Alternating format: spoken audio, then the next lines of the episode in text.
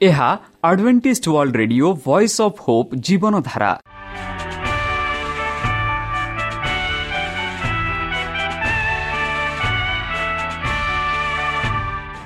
Odia radio କାର୍ଯ୍ୟକ୍ରମ ଯାହା ଆମର ଆନ୍ତର୍ଜାତୀୟ ଆଘାତ କେନ୍ଦ୍ରରୁ ପ୍ରସାରଣ କରାଯାଉଛି ପ୍ରତିଦିନ ରାତି ନଅଟା ତିରିଶ ମିନିଟ୍ରେ। ମୁଁ ସୁବ୍ରତ କୁମାର ପତି ପ୍ରେମର ସହ ଆପଣମାନଙ୍କୁ ଏହି କାର୍ଯ୍ୟକ୍ରମକୁ ସ୍ୱାଗତ କରୁଅଛି।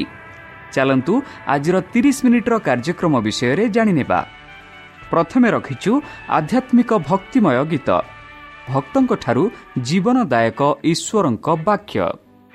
ପ୍ରିୟ ଶ୍ରୋତା ତାହେଲେ ଚାଲନ୍ତୁ ଶୁଣିବା ଏକ ଆଧ୍ୟାତ୍ମିକ ଭକ୍ତିମୟ ଗୀତ।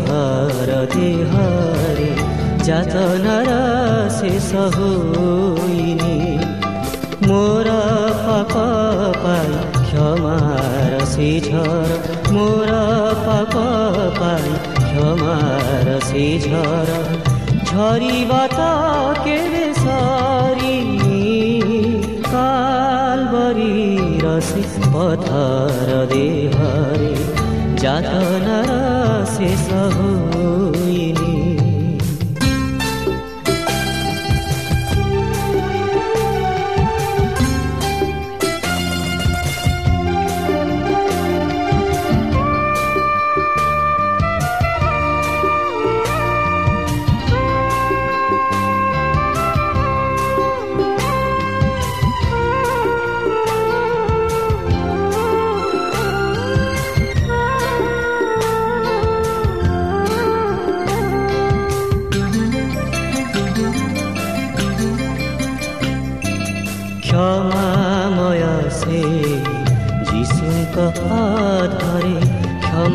প্রার্থনা আজি ক্রুশে ঝরে।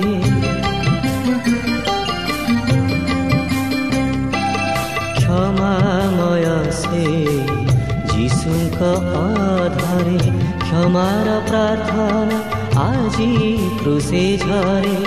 পাপি পাপ, তুমি ক্ষমা কর পিতা। পাপি পাপ, তুমি ক্ষমা কর পিতা। করে যাহা সে তো জানেনি মো প্রেমকু বুঝি পারিনি কাল বরি রসে পথর দেহরে যাতনার पथरहरे जारसि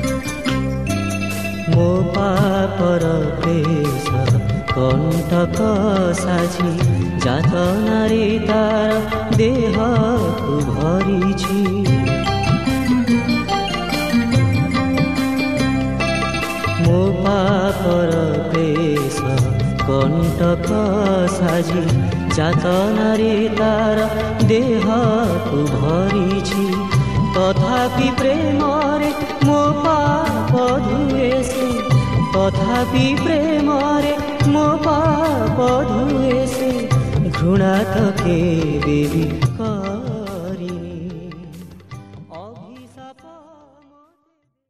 ଆମ ଠିକଣା Adventist media centre SDA mission compound Salisbury park Pune ଚାରି ଏକ ଏକ ଶୂନ ତିନି ସାତ ମହାରାଷ୍ଟ୍ର ବା ଖୋଲନ୍ତୁ ଆମର ୱେବସାଇଟ୍ ଯେକୌଣସି Android phone smartphone desktop laptop କିମ୍ବା ଟ୍ୟାବ୍ଲେଟ୍ ଆମର website W W W dot A W R dot O R G slash O R I ଏବଂ W W W dot Adventist media centre India dot O R G Adventist media centre ଇଣ୍ଡିଆର spelling ହେଉଛି A D V E N T I S T M E D I A C E N T R E I N D I A ବର୍ତ୍ତମାନ ଚାଲନ୍ତୁ ଶୁଣିବା ଈଶ୍ୱରଙ୍କ ଭକ୍ତଙ୍କଠାରୁ ଈଶ୍ୱରଙ୍କ ଜୀବନଦାୟକ ବାକ୍ୟ ସ୍ୱର୍ଗ କେଉଁଠାରେ ଅଛି? ଭାଗ ଏକ। ନମସ୍କାର ପ୍ରିୟ ଶ୍ରୋତା। ସେହି ସର୍ବଶକ୍ତି ସର୍ବଜ୍ଞାନୀ ପ୍ରେମର ସାଗର ଦୟାମୟ ଅନ୍ତର୍ଜମୀ ଅନୁଗ୍ରହ ପରମ ପିତାଙ୍କ ମଧୁର ନାମରେ ମୁଁ ପାଷ୍ଟର ପୂର୍ଣ୍ଣଚନ୍ଦ୍ର ଆଉ ଥରେ ଆପଣମାନଙ୍କୁ ଏହି କାର୍ଯ୍ୟକ୍ରମରେ ସ୍ୱାଗତ କରୁଅଛେ।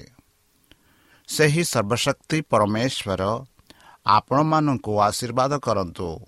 ଆପଣଙ୍କୁ ସମସ୍ତ ପ୍ରକାର ଦୁଃଖ କଷ୍ଟ ବାଧା କ୍ଲେଶ ଓ ରୋଗରୁ ଦୂରେଇ ରଖନ୍ତୁ। ସେହି ପରମେଶ୍ୱର ଆପଣଙ୍କର ସମସ୍ତ ମନୋକାମନା ପୂର୍ଣ୍ଣ କରନ୍ତୁ। ଆପଣଙ୍କୁ ସମସ୍ତ ପ୍ରକାର ଦୁଃଖ କଷ୍ଟ ବାଧା କ୍ଲେଶରୁ ଦୂରେଇ ରଖନ୍ତୁ ଶତ୍ରୁ ସଚେତନ ହସ୍ତରୁ ସେ ଆପଣଙ୍କୁ ସୁରକ୍ଷାରେ ରଖନ୍ତୁ। ତାହାଙ୍କ ପ୍ରେମ ତାହାଙ୍କ ସ୍ନେହ ତାହାଙ୍କ କୃପା ତାହାଙ୍କ ଅନୁଗ୍ରହ ସଦାସର୍ବଦା ଆପଣଙ୍କଠାରେ ସହବର୍ତ୍ତୀ ରହ। ପ୍ରିୟସତା ଚାଲନ୍ତୁ ଆଜି ଆମ୍ଭେମାନେ କିଛି ସମୟ ପବିତ୍ର ଶାସ୍ତ୍ର ବାଇବଲଠୁ ତାହାଙ୍କ ଜୀବଦାୟକ ବାକ୍ୟ ଧ୍ୟାନ କରିବା। ଆଜିର ଆଲୋଚନା ହେଉଛି ସ୍ୱର୍ଗ କେଉଁଠାରେ ଅଛି? ବନ୍ଧୁ ସ୍ୱର୍ଗ। ସ୍ୱର୍ଗ କେଉଁଠାରେ ଅଛି? ଏହିପରି ଆମେ ଅନେକ ପ୍ରଶ୍ନ କରିଥାଉ।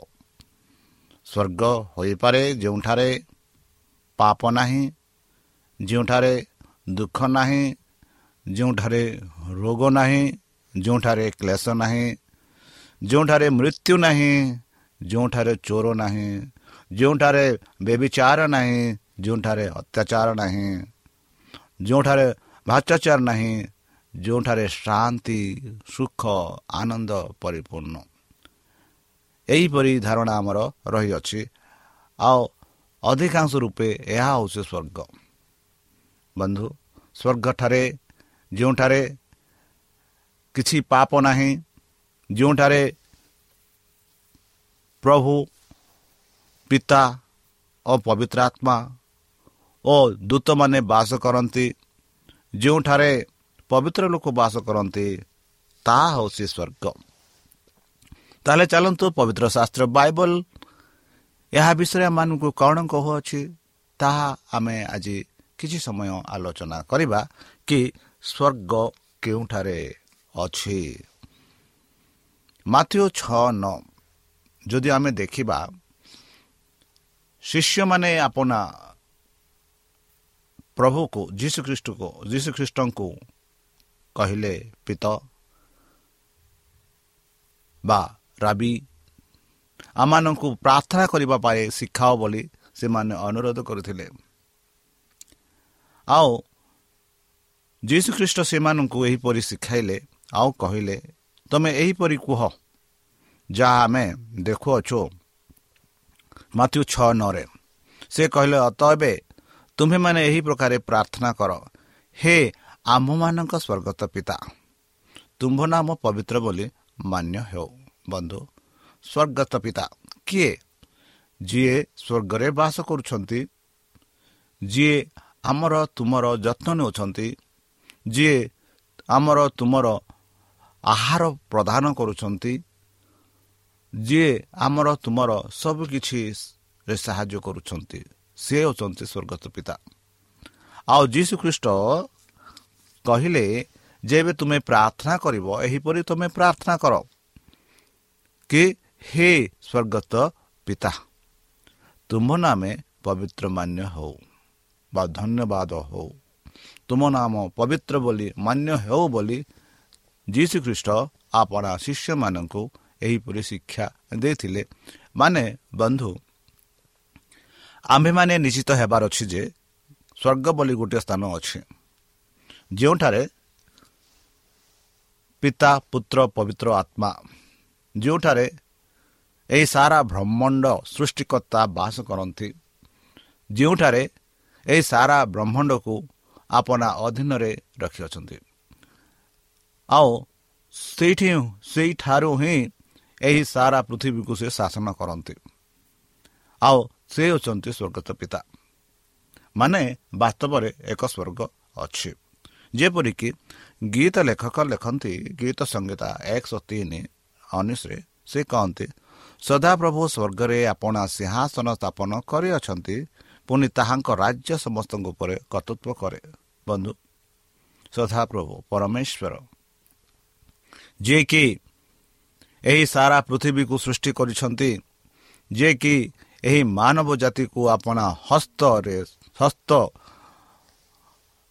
ନିଜ ରୂପରେ ସୃଷ୍ଟି କରିଛନ୍ତି ଯିଏକି ଏହି ସାରା ସଂସାରରେ ଯାହା ଆମେ ଦେଖୁଅଛୁ ସବୁ କିଛି ସୃଷ୍ଟି କରିଛନ୍ତି ସେ ସ୍ୱର୍ଗରେ ବାସ କରୁଛନ୍ତି ବୋଲି ଗୀତ ଲେଖକ କହୁଛନ୍ତି ସେ କହନ୍ତି ସଦାପ୍ରଭୁ ସ୍ୱର୍ଗରେ ଆପଣା ସିଂହାସନ ସ୍ଥାପନ କରିଅଛନ୍ତି। ସିଂହାସନ ଯେଉଁଠାରେ ରାଜା ରାଜତ୍ଵ କରନ୍ତି ଯେଉଁଠାରେ ରାଜା ବାସ କରନ୍ତି ସେହି ସ୍ଥାନରୁ ସେ ରାଜତ୍ଵ କରୁଛନ୍ତି ବୋଲି ଗୀତ ଲେଖକ ଗୀତ ସଂହିତା ଏକଶହ ତିନି ଉଣେଇଶରେ ସେ ସ୍ପଷ୍ଟ ରୂପରେ କହୁଅଛି କି ସଦାପ୍ରଭୁ ସ୍ୱର୍ଗରେ ଆପଣା ସିଂହାସନ ସ୍ଥାପନା କରିଅଛନ୍ତି।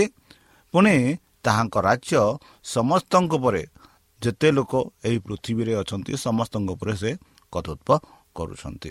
ଏହିପରି ଗୀତ ଲେଖକ ସେ ସ୍ପଷ୍ଟ ରୂପରେ ଆମମାନଙ୍କୁ ବୁଝାଇ କହୁଛନ୍ତି। ବନ୍ଧୁ ଆୟୁବ ମଧ୍ୟ କହନ୍ତି ଏହିପରି ଆୟୁବ ବାଇଶ ବାରରେ ସେ କହନ୍ତି ପରମେଶ୍ୱର କ'ଣ ଉଚ୍ଚତମ ସ୍ୱର୍ଗରେ ନାହାନ୍ତି? ଓ ତାରାଗଣର ଉଚ୍ଚତା ଦେଖ ସେସବୁ କେଡ଼େ ଉଚ୍ଚ? ବନ୍ଧୁ ଯଦି ଆମେ ଘୋର ରାତିରେ ଯଦି ଆମେ ବାହାରକୁ ଯିବା ଯଦି ମେଘ ଯଦି ଖାଲି ଥାଏ ଆଉ ତାରାରେ ପରିପୂର୍ଣ୍ଣ ଥାଏ ଯଦି ଆମେ ଦେଖିବା କେତେ ତାରା ଗୁଡ଼ାକ ଦେଖେ ଉଜ୍ଜଳରେ ଦେଖାଯାଉ। ଆମେ ତାକୁ ଦେଖି କେବେ ହେଲେ ବର୍ଣ୍ଣନା କରିପାରିବା ନାହିଁ ସେ ତାରା ଗୁଡ଼ାକ କେତେ ଦୂରରେ ଅଛନ୍ତି? ଉଚ୍ଚତା।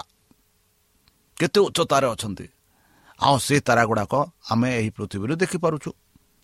ଆଉ ଏଠି ଆଇବ ବର୍ଣ୍ଣନା କରୁଛନ୍ତି କି ସ୍ୱର୍ଗ ପରମେଶ୍ୱରଙ୍କ ଉଚ୍ଚତମ ସ୍ୱର୍ଗ ମାନେ ତାରାଠୁ ଉଚ୍ଚତ ମାନେ ତାହାଠୁ ଉଚ୍ଚରେ ଅଛି। ମାନେ ସ୍ୱର୍ଗ ଅଛି ଏକ ବାସ୍ତବିକରେ ସ୍ୱର୍ଗ ଅଛି। ଯେଉଁଠାରେ ପରମା ପିତା ବାସ କରୁଛନ୍ତି ଯେଉଁଠାରେ ଆମ ଯୀଶୁ ଖ୍ରୀଷ୍ଟ ବାସ କରୁଛନ୍ତି ଯେଉଁଠାରେ ପବିତ୍ର ଆତ୍ମା ବାସ କରୁଛନ୍ତି ଯେଉଁଠାରେ ଦୂତମାନେ ବାସ କରୁଛନ୍ତି ଆଉ ସେହି ସ୍ଥାନ ଆମେ ଚାହୁଁ ଆଉ ତାହା ହେଉଛି ସ୍ୱର୍ଗ ଯେଉଁ ସ୍ଥାନରେ ଦୁଃଖ କଷ୍ଟ ବାଧା କଷ୍ଟ ତାଡ଼ନା ଘେରି ରୁହେ ସେଇ ଜାଗା ହେଉଛି ଏକ ନର୍କ ଯେହେତୁ ନର୍କ ହିଁ ସେହିପରି ବାଧା ଆଣିଥାଏ ମାତ୍ର ସ୍ୱର୍ଗରେ ଏହିପରି ବାଧା ଆମେ କେବେ ହେଲେ ଅନୁଭବ କରିବା ନାହିଁ ଯେହେତୁ ଏହିପରି ବାଧା କେବେ ହେଲେ ଆସିବ ନାହିଁ। ଆଉ ଏଥି କାରଣରୁ ଆୟୁବ ଲେଖୁଛନ୍ତି କି ସଦାପ୍ରଭୁ ପରମେଶ୍ୱରଙ୍କ କ'ଣ ଉଚ୍ଚତମ ସ୍ୱର୍ଗରେ ନାହାନ୍ତି କି? ଏହିପରି ପ୍ରଶ୍ନ କରୁଛନ୍ତି। ଓ ତାରାଗଣର ଉଚ୍ଚତା ଦେଖ ସେସବୁ କିଡ଼େ ଉଚ୍ଚତା ସେ କହୁଅଛନ୍ତି। ବନ୍ଧୁ ଦ୍ୱିତୀୟ ବଂଶ ବୋଲି ଯାହାକି ଆମେ ପୁରାତନ ନିୟମରେ ପାଉଅଛୁ ସାତ ଚଉଦରେ ଏଠି ଆମେ ଦେଖୁଅଛୁ ଯେବେ ଆମ୍ଭ ନାମରେ ବିଖ୍ୟାତ ଆମ୍ଭ ଲୋକମାନେ ଆପଣାମାନଙ୍କୁ ନମ୍ର କରି ପ୍ରାର୍ଥନା କରିବେ ଓ ଆମ୍ଭର ମୁଖ ଅନ୍ୱେଷଣ କରି ଆପଣା ଆପଣା କୁପଥରୁ ଫେରିବେ ତେବେ ଆମ୍ଭେ ସ୍ୱର୍ଗରୁ ଶୁଣିବା ଓ ସେମାନଙ୍କର ପାପ କ୍ଷମା କରିବା ଓ ସେମାନଙ୍କ ଦେଶ ସୁସ୍ଥ କରିବା। କେଡ଼େ ସୁନ୍ଦର ଭାବରେ। ପବିତ୍ର ଶାସ୍ତ୍ର ବାଇବଲ ଏହି ମାନବ ଜାତିକୁ କହୁଅଛନ୍ତି।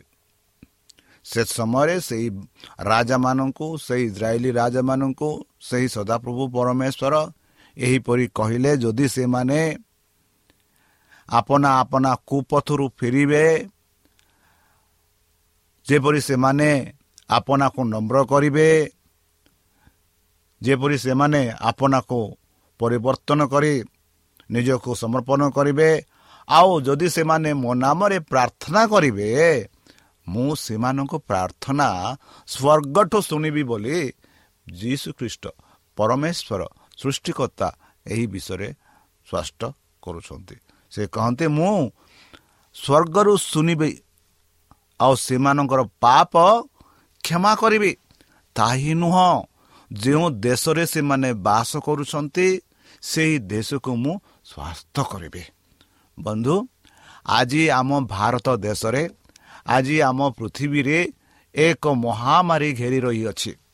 ଆଉ ସେହି ମହାମାରୀ ହେଉଛି କରୁଣା ମହାମାରୀ। ଆଉ ସେ କରୁଣା ମହାମାରୀକୁ ପ୍ରାୟ ବହୁତ ଲୋକ ପ୍ରାଣ ହରାଇଛନ୍ତି। ଆଉ ଏଠି ପବିତ୍ର ଶାସ୍ତ୍ର ବାଇବଲ କହୁଅଛି ଯଦି ସେମାନେ ନମ୍ର କରିବେ ନିଜକୁ ଯଦି ସେମାନେ ମୋତେ ଅନ୍ୱେଷଣ କରିବେ ଯଦି ସେମାନେ କୁପଥରୁ ଫେରିବେ ଆଉ ମୋ ନାମରେ ପ୍ରାର୍ଥନା କରିବେ ମୁଁ ସେମାନଙ୍କ ପାପ କ୍ଷମା କରିବି। ଏକ ଦୁଇ ସେମାନଙ୍କୁ ସେମାନଙ୍କ ଦେଶକୁ ମୁଁ ସୁସ୍ଥ କରିବି। କେତେ ସୁନ୍ଦର ଭାବରେ। ପବିତ୍ର ଶାସ୍ତ୍ର ବାଇବଲ ଆମମାନଙ୍କୁ କହୁଛି ସେହି ସ୍ୱର୍ଗ ବିଷୟରେ। ଆଉ ଯେଉଁଠାରେ ସେହି ପରମ ପିତା ବାସ କରୁଛନ୍ତି। ବନ୍ଧୁ ସେହି ଏଇଟା ହେଉଛି ଏକ ବାସ୍ତବିକ କଥା। ସ୍ୱର୍ଗ ଅଛି। ଏକ ସ୍ୱର୍ଗ ଅଛି। ଯେପରିକି ଯୀଶୁ ଖ୍ରୀଷ୍ଟ ଯେବେ ଏହି ପୃଥିବୀରେ ଥିଲେ ସେ ସେହି ସ୍ୱର୍ଗ ବିଷୟରେ ସ୍ପଷ୍ଟ କରିଥିଲେ। ଏକ ସ୍ପଷ୍ଟ କରିଥିଲେ ଯେପରି ସେମାନେ ଜାଣିପାରିବେ ବୁଝିପାରିବେ କି ସ୍ୱର୍ଗ ଅଛି ବୋଲି। ସେମାନଙ୍କୁ କିଛି ସନ୍ଦେହ ନଥାଉ ଏହି ସନ୍ଦେହକୁ ଦୂର କରିବା ପାଇଁ ଯୀଶୁ ଖ୍ରୀଷ୍ଟ ସେମାନଙ୍କୁ ସ୍ପଷ୍ଟ ରୂପରେ କହିଲେ। ଚାଲନ୍ତୁ ପଢ଼ିବା ଜହନ ଚଉଦ ଏକ ଟୁ ତିନି। ଏହି ପଦ ଆମେ ଅଧିକାଂଶ ସମୟରେ ଦେଖୁଅଛୁ ଚାଲନ୍ତୁ ଏହାକୁ ଆମେ ଭଲ ଭାବରେ ଦେଖିବା। ଯୀଶୁ କହିଲେ ତୁମମାନଙ୍କ ହୃଦୟ ଉଦ୍ବିଗ୍ନ ନ ହେଉ। ଆମ ହୃଦୟ ସଦାବେଳେ ଚିନ୍ତିତ ରୁହେ ବାଧିତ ରୁହେ। ଅଧିକ ସମୟରେ ଆମେ ବିଭିନ୍ନ ପ୍ରକାର ବିଭିନ୍ନ ଜିନିଷ ବିଷୟରେ ଚିନ୍ତା ହୋଇଥାଉ। ସେ କହନ୍ତି ତୁମେମାନେ ଈଶ୍ୱରଙ୍କଠାରେ ବିଶ୍ୱାସ କର। ଦେଖନ୍ତୁ ବନ୍ଧୁ ଆମେ ପରମେଶ୍ୱରଙ୍କଠାରେ ବିଶ୍ୱାସ କରିବାର ଅଛି।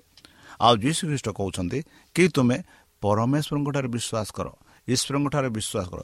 ଏକ ଦୁଇ ମୋ ଠାରେ ମଧ୍ୟ ବିଶ୍ୱାସ କର ଯେହେତୁ ସେଇ କଥା ମୁଁ କହୁଅଛି।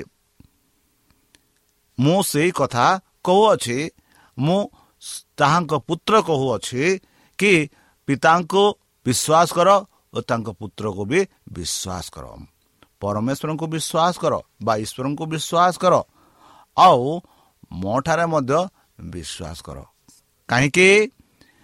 ମୋର ପିତାଙ୍କ ଗୃହରେ ଅନେକ ବାସସ୍ଥାନ ଅଛି। ଏହା ଏହି ବିଶ୍ୱାସ କର ମୁଁ ଯାହା ଯାହା କହୁଅଛି କି ମୋ ପିତାଙ୍କ ଗୃହରେ ଆମ ପିତାଙ୍କ ଗୃହରେ ଅନେକ ଗୃହ ବାସସ୍ଥାନ ଅନେକ ବାସସ୍ଥାନ ଅଛି। ଆଉ ଯଦି ସେଇ ବାସସ୍ଥାନ ପ୍ରସ୍ତୁତ କରିବା ପାଇଁ ଯଦି ମୁଁ ନ ଯିବି ତାହେଲେ ଆପଣମାନେ ଆସିପାରିବେ ନାହିଁ। ସେଥିଯୋଗୁଁ ସେ କହନ୍ତି ଯଦି ନଥାନ୍ତା ତାହେଲେ ମୁଁ ତୁମମାନଙ୍କୁ କହିନଥାନ୍ତି ଯୀଶୁଖ୍ରୀଷ୍ଟ ନିଶ୍ଚିତ କରୁଛନ୍ତି ଆମମାନଙ୍କୁ ଶିଷ୍ୟମାନଙ୍କୁ ସେହି ଲୋକ ସମୂହମାନଙ୍କୁ କି ପରମେଶ୍ୱର ସମସ୍ତଙ୍କ ପାଇଁ ଏକ ଏକ ଗୃହ ନିର୍ମାଣ କରିଛନ୍ତି। ସେହି ଗୃହ ଆମର ହେବ। ଯେବେ ଆମେ ସ୍ୱର୍ଗରାଜକୁ ଯିବା। ଆଉ ସେହି ଗୃହ ପ୍ରସ୍ତୁତ କରିବା ପାଇଁ ଆମ ଯୀଶୁ ଖ୍ରୀଷ୍ଟ ସ୍ୱର୍ଗକୁ ଯାଇଛନ୍ତି। ଆଉ ସ୍ୱର୍ଗରେ ଆମମାନଙ୍କ ପାଇଁ ପ୍ରତ୍ୟେକଙ୍କ ପାଇଁ ପ୍ରତ୍ୟେକ ପରିବାରଙ୍କ ପାଇଁ ଏକ ଏକ ଗୃହ ବାସସ୍ଥାନ ପ୍ରସ୍ତୁତ କରୁଛନ୍ତି। କାହିଁକି? ଯୀଶୁ ଖ୍ରୀଷ୍ଟ ନିଜେ କହିଛନ୍ତି ଯଦି ନଥାନ୍ତା ତାହେଲେ ମୁଁ ତୁମମାନଙ୍କୁ କହିନଥାନ୍ତି। ଏହା ନିଶ୍ଚିତ କରୁଛନ୍ତି କି ଯୀଶୁ ଖ୍ରୀଷ୍ଟ ନିଜେ କହିଛନ୍ତି ଗୃହ ଅଛି ସ୍ୱର୍ଗରେ ତୁମମାନଙ୍କ ପାଇଁ ଗୃହ ଅଛି। ଆଉ ସେ କହନ୍ତି ମୁଁ ତୁମମାନଙ୍କ ନିମନ୍ତେ ସ୍ଥାନ ପ୍ରସ୍ତୁତ କରିବାକୁ ଯାଉଅଛି। କେଡ଼େ ସୁନ୍ଦର ଭାବରେ ଯୀଶୁ ଖ୍ରୀଷ୍ଟ ଆପଣା ଶିଷ୍ୟମାନଙ୍କୁ ଏହି କଥା ସ୍ପଷ୍ଟ ରୂପରେ ବୁଝାଇବାକୁ ଚେଷ୍ଟା କରୁଛନ୍ତି ଆଉ କହୁଛନ୍ତି ମୁଁ ତୁମ୍ଭମାନଙ୍କ ପାଇଁ ବନ୍ଧୁ ଯୀଶୁ ଖ୍ରୀଷ୍ଟ ବର୍ତ୍ତମାନ ଆମମାନଙ୍କୁ କହୁଛନ୍ତି କି ମୁଁ ତୁମମାନଙ୍କ ପାଇଁ ଏକ ସ୍ଥାନ ପ୍ରସ୍ତୁତ କରିବା ପାଇଁ ଯାଉଅଛି। ହଁ ବନ୍ଧୁ ତୁମ୍ଭମାନଙ୍କ ପାଇଁ ମୋ ପାଇଁ ସମସ୍ତଙ୍କ ପାଇଁ ଯୀଶୁ ଖ୍ରୀଷ୍ଟ ସ୍ୱର୍ଗକୁ ଯାଇଛନ୍ତି ଯେପରି ଆମ୍ଭମାନଙ୍କ ପାଇଁ ଏକ ସ୍ଥାନ ପ୍ରସ୍ତୁତ କରିବେ ଯେପରି ଆମେ ଯେବେ ସ୍ୱର୍ଗକୁ ସ୍ୱର୍ଗକୁ ଯିବା ସେତେବେଳେ ସେ ସ୍ଥାନରେ ଆମେ ବାସ କରିପାରିବା। ଆଉ ସେଥିଯୋଗୁଁ ସେ କହନ୍ତି ମୁଁ ତୁମ୍ଭମାନଙ୍କ ନିମନ୍ତେ ସେ କହନ୍ତି ମୋ ନିମନ୍ତେ ନାହିଁ ମାତ୍ର ତୁମ୍ଭମାନଙ୍କ ନିମନ୍ତେ କିଏ? ଆପଣ ମୁଁ। ଆପଣ ମୁଁ। ଆମେ ସମସ୍ତେ ଆମ ଆମ୍ଭମାନଙ୍କ ପାଇଁ ଯୀଶୁ ଖ୍ରୀଷ୍ଟ ସ୍ୱର୍ଗରାଜକୁ ଯାଇଛନ୍ତି ଆଉ ଜାଗା ପ୍ରସ୍ତୁତ କରୁଛନ୍ତି।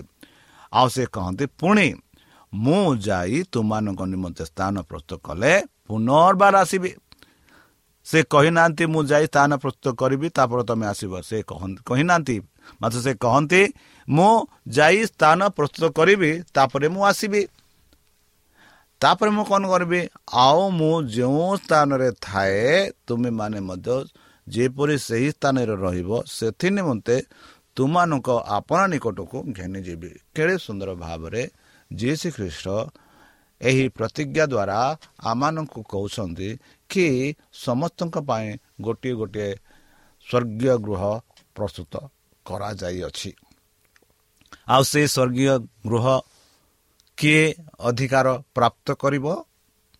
ଯିଏ ମାନେ ଯୀଶୁ ଖ୍ରୀଷ୍ଟଙ୍କଠାରେ ବିଶ୍ୱାସ କରୁଛନ୍ତି ଯିଏ ତାହାଙ୍କ ଆଜ୍ଞା ମାନିଛନ୍ତି ଯେହେତୁ ଯୀଶୁ ଖ୍ରୀଷ୍ଟ କହନ୍ତି ଯଦି ତୁମେ ମୋତେ ପ୍ରେମ କରୁଛ ତାହେଲେ ଆଜ୍ଞା ମାଣ। ତାହାଙ୍କ ଆଜ୍ଞା ମାନିବା ଏହା ଦର୍ଶାଉଛି ବନ୍ଧୁ ଯଦି ଆମେ ସାଧାରଣ ଭାଷାରେ ଯଦି ଗୋଟିଏ ପୁଅ ବା ଝିଅ କହନ୍ତି କି ମୁଁ ପିତାମାତାକୁ ମାନେ ତାଙ୍କ ଆଜ୍ଞା ମାନେ। ବୋଲି ଯଦି କହୁଅଛି ନିଶ୍ଚିତ ରୂପେ ସେ ପିତାମାତାକୁ ପ୍ରେମ କରୁଛି। ଯଦି ସେ ପିତାମାତାଙ୍କ ଆଜ୍ଞା ମାନୁନାହିଁ ତାହେଲେ ନିଶ୍ଚିତ ରୂପେ ସେ ପିତାମାତାକୁ ଭଲ ପାଉନାହିଁ ଏହା ସ୍ପଷ୍ଟ ରୂପରେ ବୁଝାଉଅଛି। ଆଉ ଯୀଶୁ ଖ୍ରୀଷ୍ଟ ଯୀଶୁ ଖ୍ରୀଷ୍ଟ କହିଲେ ଯଦି ତୁମେ ମୋତେ ପ୍ରେମ କରୁଅଛ ତାହେଲେ ମୋ ପିତାଙ୍କ ଆଜ୍ଞା ମାନ। ଆଉ ଯେ କେହି ପିତାଙ୍କ ଆଜ୍ଞା ମାନୁଅଛି ସେ ଯୀଶୁ ଖ୍ରୀଷ୍ଟଙ୍କୁ ବିଶ୍ୱାସ କରୁଛନ୍ତି। ଆଉ ଯୀଶୁ ଖ୍ରୀଷ୍ଟ ସେମାନଙ୍କୁ କହୁଅଛନ୍ତି କି ତୁମମାନଙ୍କ ପାଇଁ ଏକ ସ୍ଥାନ ପ୍ରସ୍ତୁତ କରିବାକୁ ଯାଉଅଛି। ଆଉ ଯେବେ ସେ ସ୍ଥାନ ମୁଁ ପ୍ରସ୍ତୁତ କରିବି ଆଉ ଥରେ ମୁଁ ଆସିବି ଆସି ତୁମମାନଙ୍କୁ ମୁଁ ଘେନି ନେବି ଆଉ ଯେଉଁ ସ୍ଥାନରେ ମୁଁ ଥିବି ସେହି ସ୍ଥାନରେ ତୁମମାନେ ମଧ୍ୟ ଥିବ ବୋଲି ଯୀଶୁ ଖ୍ରୀଷ୍ଟ ଆଶ୍ୱାସନା ଦେଇ କହୁଛନ୍ତି। ବନ୍ଧୁ ଆମେ ଏହି ସାଂସାରିକ ରେ ଅଧିକାଂଶ ଲୋକଙ୍କ ଗୃହ ନାହିଁ ଘର ନାହିଁ ବାସସ୍ଥାନ ନାହିଁ। କେତେ ଲୋକ ଗଛ ଛାଇରେ ରହୁଛନ୍ତି କେତେ ଲୋକ କୁଡ଼ିଆ ଘରରେ ରହୁଛନ୍ତି କେତେ ଲୋକ ରୋଡ଼ ପଟରେ ରହୁଛନ୍ତି କେତେ ଲୋକ ବଡ଼ ବଡ଼ ମହଲରେ ରହୁଛନ୍ତି କେତେ ଲୋକ କିଛି ନାହିଁ ଆଉ ପରମେଶ୍ୱର କହୁଛନ୍ତି ଯେ କେହି ତାହାଙ୍କଠାରେ ବିଶ୍ୱାସ କରନ୍ତି ଯୀଶୁ ପ୍ରଥମରେ କହିଲେ ମୋ ଠାରେ ବିଶ୍ୱାସ କର ଈଶ୍ୱରଙ୍କ ଠାରେ ବିଶ୍ୱାସ କର ଯଦି ଆମେ ଈଶ୍ୱରଙ୍କ ଠାରେ ବିଶ୍ୱାସ କରିବା କୃଷ୍ଣଙ୍କ ଠାରେ ବିଶ୍ୱାସ କରିବା ତାହେଲେ ଆମ ଗୃହ ନିଶ୍ଚିତ ରୂପେ ପ୍ରସ୍ତୁତ କରାଯାଇଅଛି ଆମେ ସେହି ସ୍ୱର୍ଗ ରାଜ୍ୟକୁ ଯିବା ଏହା ନିଶ୍ଚିତ। କ'ଣ ଆପଣ ସେହି ସ୍ୱର୍ଗରାଜ୍ୟ ଯିବା ପାଇଁ ଇଚ୍ଛା କରୁଛନ୍ତି କି ବନ୍ଧୁ? ହଁ ସ୍ୱର୍ଗରାଜ୍ୟ ସମସ୍ତଙ୍କ ପାଇଁ ଖୋଲା ରହିଅଛି। ଯୀଶୁ ଖ୍ରୀଷ୍ଟ ଆପଣ ହସ୍ତ ମେଲାଇ ଖୋଲି ସମସ୍ତଙ୍କୁ ସ୍ୱାଗତ କରୁଛନ୍ତି। ଆମେ ଖାଲି ବିଶ୍ୱାସ କରିବାର ଅଛି। ଯୀଶୁ ଖ୍ରୀଷ୍ଟଙ୍କ ଠାରେ ଆଉ ପରମ ପିତାଙ୍କ ଠାରେ ତାହାଙ୍କ ଆଜ୍ଞା ମାନିବାର ଅଛି। ତାଙ୍କ ବାକ୍ୟ ଅନୁସାରେ ଆମେ ଚାଲିବାର ଅଛି। ନିଶ୍ଚିତ ରୂପେ ଆମେ ସେହି ସ୍ୱର୍ଗକୁ ଯାଇପାରିବା। ଯେହେତୁ ସ୍ୱର୍ଗ ଏକ ବାସ୍ତବିକ ସ୍ଥାନ। ଏକା କଳ୍ପନିକ ନୁହଁ ବନ୍ଧୁ ସ୍ୱର୍ଗ ଏକ କଳ୍ପନିକ ନୁହଁ ଏହା ଏକ ବାସ୍ତବିକ ସ୍ଥାନ। ଏଥିଯୋଗୁଁ ଯୀଶୁ ଖ୍ରୀଷ୍ଟ ସ୍ପଷ୍ଟ କରନ୍ତି ମୁଁ ସ୍ୱର୍ଗକୁ ଯାଉଅଛି ଆଉ ମୁଁ ସେଠି ତୁମମାନଙ୍କ ପାଇଁ ଏକ ସ୍ଥାନ ପ୍ରସ୍ତୁତ କରିବି ଆଉ ଯେବେ କରାଯିବ ମୁଁ ଆସିବି ତୁମମାନଙ୍କୁ ଘେନି ନେବି ଯେପରି ସାଧୁ ପାଲ ଲେଖନ୍ତି ପ୍ରଥମ ଥେସଲନୀୟ ଚାରି ଷୋହଳ ସତରରେ ସେ କହନ୍ତି କାରଣ ପ୍ରଭୁ ଆପେ ଆଦେଶ ଦେଇ ପ୍ରଧାନ ଦୂତଙ୍କ ସ୍ୱର ଓ ଈଶ୍ୱରଙ୍କ ତୁରି ବାଦ୍ୟ ସହିତ ସ୍ୱର୍ଗରୁ ଅବତରଣ କରିବେ। ସେଥିରେ ଯେଉଁମାନେ ଖ୍ରୀଷ୍ଟଙ୍କଠାରେ ଥାଇ ମରିଅଛନ୍ତି ସେମାନେ ପ୍ରଥମ ଥର ଉଠିବେ। ତାପରେ ଆମ୍ଭେମାନେ ଯେତେ ଲୋକ ଜୀବିତ ରହି ଅବଶିଷ୍ଟ ଥିବ ପ୍ରଭୁଙ୍କ ସହିତ ସାକ୍ଷାତ କରିବା ନିମନ୍ତେ ଆମ୍ଭେମାନେ ସେମାନଙ୍କ ସହ ମେଘମାଲାରେ ଶୂନ୍ୟମଣ୍ଡଳରୁ ନୀତି ହେବ। ଏହି ପ୍ରକାରେ ଆମ୍ଭେମାନେ ସର୍ବଦା ପ୍ରଭୁଙ୍କ ସହିତ ରହିବୁ। ବନ୍ଧୁ ସାଧୁ ପାଉଲ ନିଜକୁ ସ୍ପଷ୍ଟ କରି ଭାବିଥିଲେ ସ୍ପଷ୍ଟ କଲେ କି ସେ ନିଶ୍ଚିତ ଭାବେ ସ୍ୱର୍ଗକୁ ଯିବେ ଆଉ ସେ ନିଶ୍ଚିତ ରୂପେ ଯିବେ ବୋଲି ସେହି କଥାମାନଙ୍କୁ କହୁଛନ୍ତି। କ'ଣ ଯେତେ ଲୋକ ଜୀବିତ ଅଛନ୍ତି ଯେବେ ଯୀଶୁଖ୍ରୀଷ୍ଟ ଆସିବେ ସେତେବେଳେ ତାଙ୍କ ସହ ମିଶିଯିବେ। ଆଉ ଯେତେ ଲୋକ ତାହାଙ୍କଠାରେ ବିଶ୍ୱାସ କରି ମୃତ୍ୟୁବରଣ କରିଛନ୍ତି ବା ଗୌର ନିଦାୟରେ ରହିଛନ୍ତି ସେମାନଙ୍କୁ ଉଠାଯିବ। ଆଉ ଉଭୟ ମିଶି ସ୍ୱର୍ଗରାଜକୁ ଯିବେ। କେତେ ସୁନ୍ଦର ବାକ୍ୟ ବନ୍ଧୁ। ତାହେଲେ ଚାଲନ୍ତୁ ସେହି ସଦାପ୍ରଭୁଙ୍କଠାରେ ଆମେ ବିଶ୍ୱାସ କରି ତାଙ୍କ ମଧୁର ନାମରେ ବିଶ୍ୱାସ କରି ନିଜକୁ ପ୍ରସ୍ତୁତ କରିବା ଯେପରି ଆମେ ସେହି ସ୍ୱର୍ଗରାଜକୁ ଯାଇପାରିବା। ତାହେଲେ ଚାଲନ୍ତୁ ନିଜକୁ ସମର୍ପଣ କରି।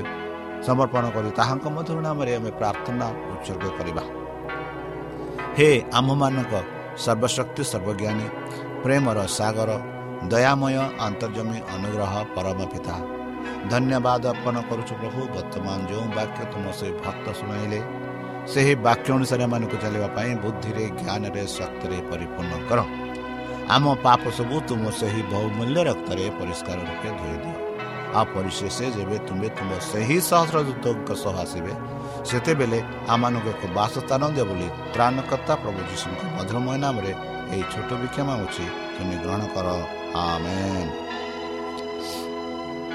ପ୍ରିୟ ଶ୍ରୋତା ଆମେ ଆଶା କରୁଛୁ ଯେ ଆମର କାର୍ଯ୍ୟକ୍ରମ ଆପଣମାନଙ୍କୁ ପସନ୍ଦ ଲାଗୁଥିବ ଆପଣଙ୍କର ମତାମତ ଜଣାଇବା ପାଇଁ ଆମର ଏହି ଠିକଣାରେ ଯୋଗାଯୋଗ କରନ୍ତୁ ଆମ ଠିକଣା Adventist media centre S D A mission compound Salisbury park Pune ଚାରି ଏକ ଏକ ଶୂନ ତିନି ସାତ ମହାରାଷ୍ଟ୍ର ବା ଖୋଲନ୍ତୁ ଆମର ୱେବସାଇଟ୍ ଯେକୌଣସି Android phone smartphone desktop laptop କିମ୍ବା ଟ୍ୟାବ୍ଲେଟ୍ ଆମର website W W W dot A W R dot O R G slash O R I ଏବଂ W W W dot Adventist media centre India dot O R G Adventist media centre ଇଣ୍ଡିଆର spelling ହେଉଛି A D V E N T I S T M E D I A C E N T R E I N D I A ଅଥବା download କରନ୍ତୁ ଆମର mobile app ଆପଣଙ୍କର mobile play ଷ୍ଟୋରକୁ ଯାଆନ୍ତୁ ଆଉ type କରନ୍ତୁ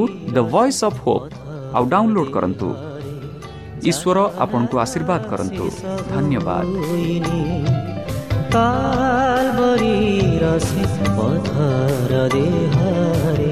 ଯାତନାର ଶେଷ ହୋଇନି ମୋର ପାପ ପାଇଁ କ୍ଷମାର ସେ ଝର ମୋର ପାପ ପାଇଁ କ୍ଷମାର ସେ ଝର ଝରିବାଟ କେବେ ସରିନି କାଲବରୀର ସେ ପଥର ଦେହରେ ଯାତନାର ଶେଷ ହୋଇନି ीरसि पथर देहरे जथनरसि स